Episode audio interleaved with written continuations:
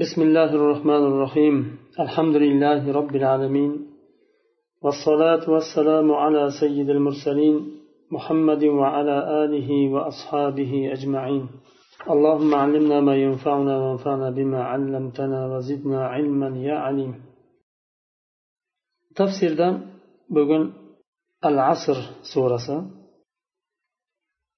سورة العصر مكي سورة بولب oyatining adadi uch oyat imom tobaroniy va imom bayhaqiy tahrij qilgan hadisda hasan sanat bilan rivoyat qiladilar abu madinat darimiy rahimaullohdan وكانت له صحبة قال كان رجلان من أصحاب النبي صلى الله عليه وسلم إذا التقيا لم يفترقا حتى يقرأ أحدهما على الآخر والعصر إن الإنسان لفي خسر ثم يسلم أحدهما على الآخر. aytadilar rasululloh sollallohu alayhi vasallamning sahobalaridan agar ikki kishi bir biri bilan yo'liqsa uchrashsa ajrashmasdi bir biridan to val asr innal insana lafi xusr surasini o'qib undan keyin bir birlariga salom berib ajrashardilar boshqa lafzda كان رجلان من أصحاب رسول الله صلى الله عليه وسلم إذا التقيا لم يتفرقا إلا على أن يقرأ أحدهما على الآخر سورة العصر إلى آخرها ثم يسلم أحدهما على الآخر boshqa lafz aytadilar rasululloh sollallohu alayhi vasallamning sahobalaridan agar ikki kishi bir biri bilan uchrashsa bir birlariga suratil asrni oxirigacha o'qirdilar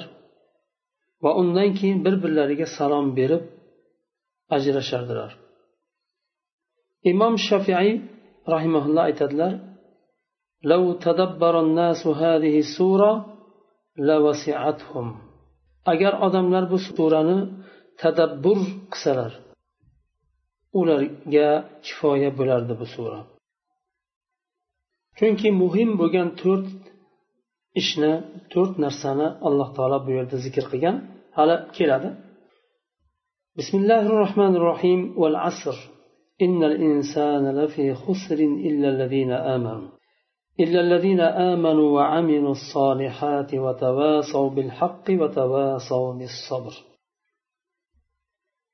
والعصر عصر بيردا دهر زمان nazarda tutilmayapti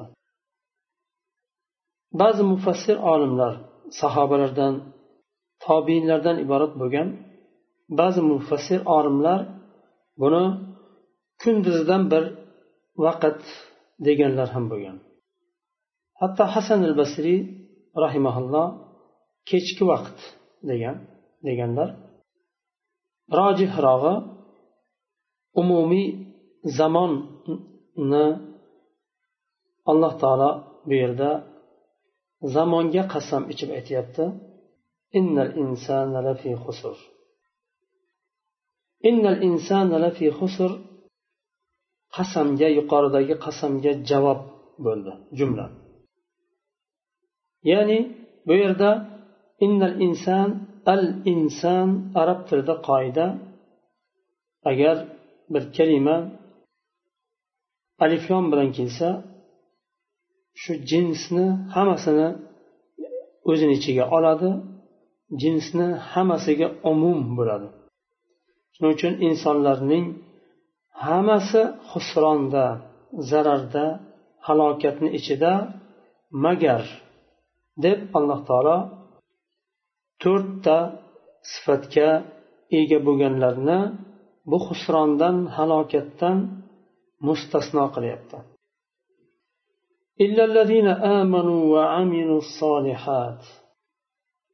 Mana shu sifatlarga ega bo'lganlargina halokatdan va husrondan mustasnodir. Iymon keltirganlar va solih amal qilganlar. Ibn kasir rahimaulloh aytadilar alloh taolo inson jinsini hammasini husronda va halokatda dedi. Va shu inson jinsidan quyidagi sifatlarga ega bo'lganlarnigina mustasno qildi. Qalblari bilan iymon keltirgan.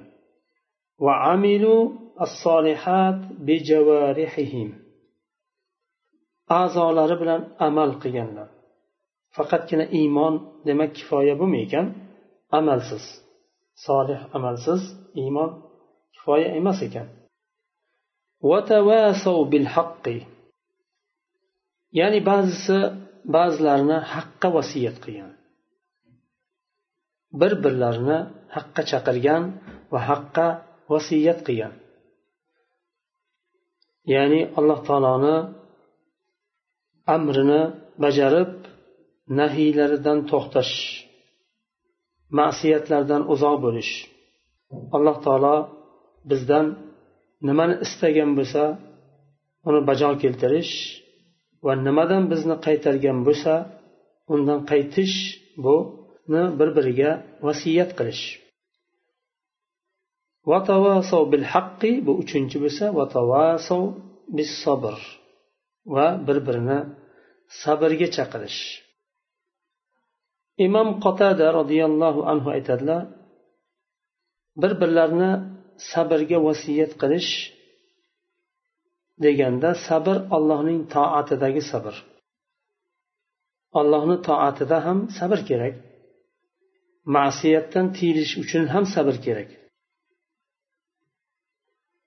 imom roziy aytadilar rahimaulloh دلت الآية على أن الحق ثقيل وأن المحن تلازمه تلازمه فلذلك قرن التواصي بالصبر bu oyat karima dalolat qiladiki haq og'ir narsa.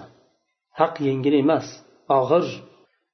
Va bu haqni ushlagan kishiga og'irliklar kelishi aniq.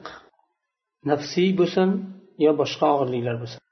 Shuning uchun alloh taolo haqqa vasiyat qilgandan keyin sabrga ham vasiyat qilishni aytdi.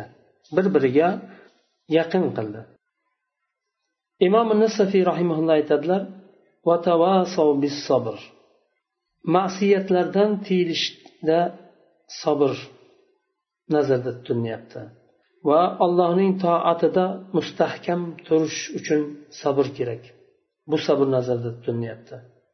Va alloh yo'lida yetadigan malomatlar uchun sabr kerak. Bu sabr ham nazarda tutilyapti deb aytganlar. Chunki ma'siyatdan tiyilish uchun sabr kerak. Alloh taolo qaytargan narsalardan qaytish uchun sabr kerak.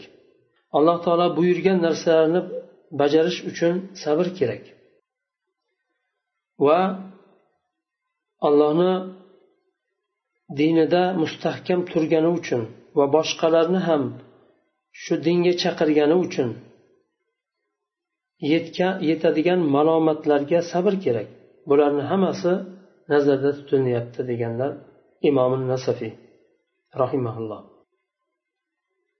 va yana aytadilarki alloh taolo sabr bilan haq haqqa vasiyat qilishni va sabrga vasiyat qilishni xos qilib umumni orasidan chiqardi. Umum bu yerda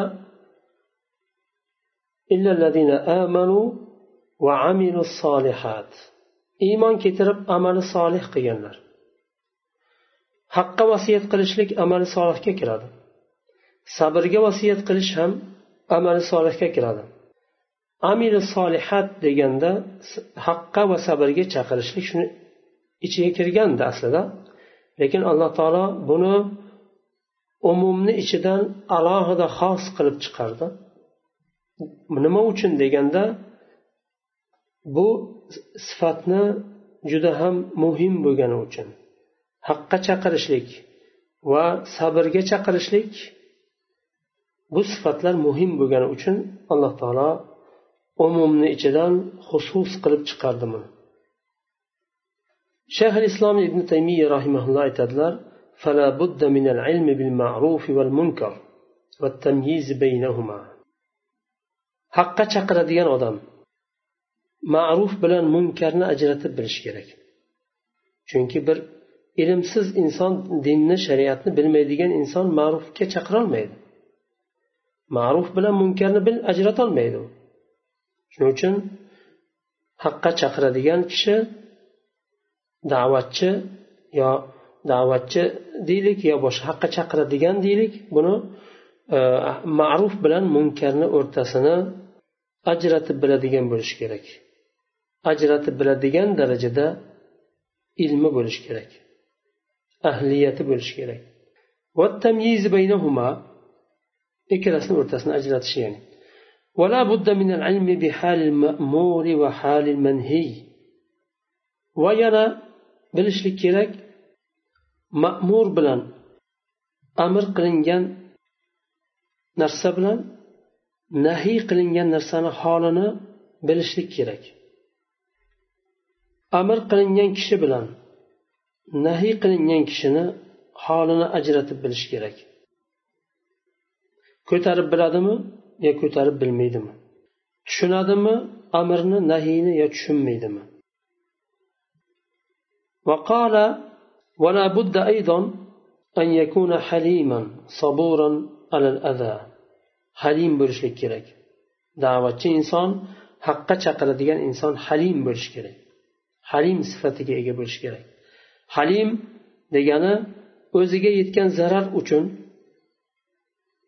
jazolashga shoshilmaydigan inson. Ya'ni o'ziga yetgan zararniga javob berishga shoshilmaydigan inson. Saburan alal aza ozorlarga sabr qiladigan bo'lishi kerak chunki bu yo'lda haqqa chaqirish yo'lida ozor yetishlik aniq insonga يحلم ويصبر كان ما يفسد أكثر مما يصلح كما قال لقمان لابنه وأمر بالمعروف وانهى عن المنكر واصبر على ما أصابك إن ذلك من عزم الأمور agar halimlik qilmasa da'vatchi inson haqqa chaqiradigan kishi halimlik qilmasa va sabr qilmasa ifsod qilgan narsasi isloh qilgan narsasidan ko'ra ko'payib ketadi shuning uchun luqmon o'g'illariga aytdilarki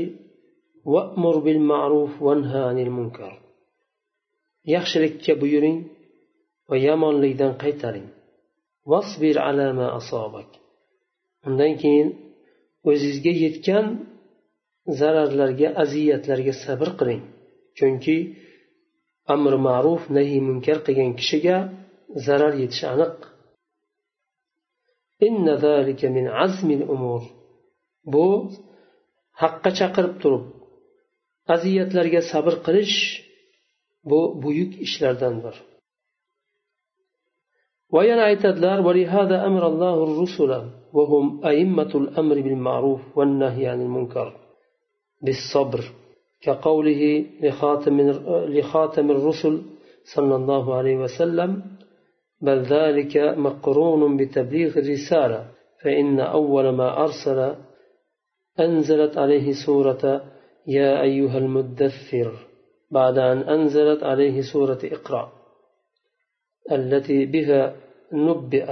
فقال الله تعالى يا أيها المدثر قل قم فأنذر وربك فكبر وثيابك فطهر والرجز فاهجر ولا تمنن تستكثر ولربك فاصبر. shayx islom aytadilar so'zlarini davomida alloh taolo payg'ambarlarini elchilarni ham buyurdi. Va u elchilar amr ma'ruf nahiy munkar qiluvchilarni imomlari ular. Alloh taolo ularni sabrga buyurdi. Xotamin nabiyin bo'lgan sollallohu alayhi vasallamga risolat yuborganda alloh taolo iqro surasi bilan u kishi payg'ambar bo'ldi. Ya ayyuhal muddaffir surasi nozil bo'lgandan keyin u kishini in haligi qavmlariga yetkazishga buyurdi va rasul bo'ldilar u kishi alloh taolo muddaffir surasida ya ayyuhal muddaffir ey o'ralib oluvchi qum faanzir turing va qavmingizni ogohlantiring. Qiyomat borligidan hisob kitob borligidan ogoh qiling. Va robbaka fakabbir robbingizni ulug'lang. Va fiyabaka fatahhir kiyimingizni poklang. Va rujza fahjur. Qo'pollikdan hijrat qiling uzoq bo'ling. ولا تمنن تستكثر qilgan amalingizni evaziga evaziga bosh nimani evaziga bir narsa badal ziyoda nimani e, ziyoda umid qilmang robbika fasbir robbingiz uchun sabr qiling deb alloh taolo sayyidil mursalin bo'lgan va murabbiylarni imomi bo'lgan rasululloh sollallohu alayhi vasallamga qavmlariga allohni dinini yetkazishga buyurganlari buyurganida sabr qilishga ham buyurdi. Ibn qayim rahimaulloh aytadilar miftahu daru saada degan kitoblarida وبيان ذلك أن المراتب أربعة وباستكمالها يحصل للشخص غاية كماله buni bayoni shundan iboratki bu to'rtta martaba to'rtta martaba derkan amanu birinchisi iymon keltirganlar ikkinchisi amal solih qilganlar uchinchisi haqqa vasiyat qilganlar to'rtinchisi shu yo'lda yetgan aziyatga sabr qilganlar shu to'rtta martaba komillashishligi bilan bir kishida komillashishligi bilan kishini komil kamolat darajasiga ko'taradi إحداها معرفة الحق الثانية عمله به birinchisi haqni bilishlik ikkinchisi shu haqqa amal qilish.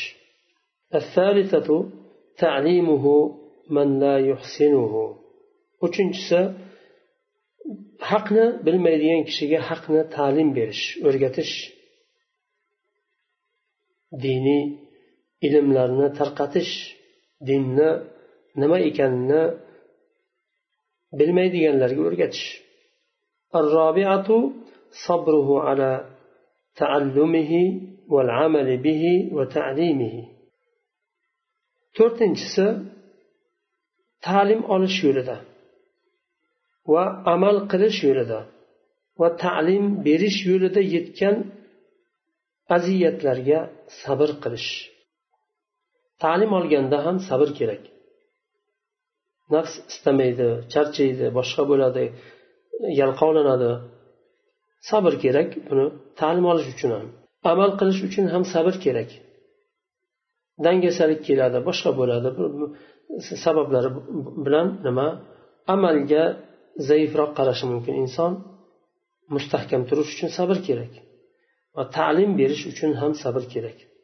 Shularni hammasi bir kishida to'planishligi bilan musulmonni kamolat darajasiga ko'taradi. Mana shu to'rt sifatni alloh taolo suratil asrda jamladi. Shu yerda to'xtaymiz. Subhanakallohumma bihamdik. Ashhadu an la ilaha illa ant astag'firuka va atubu ilayk.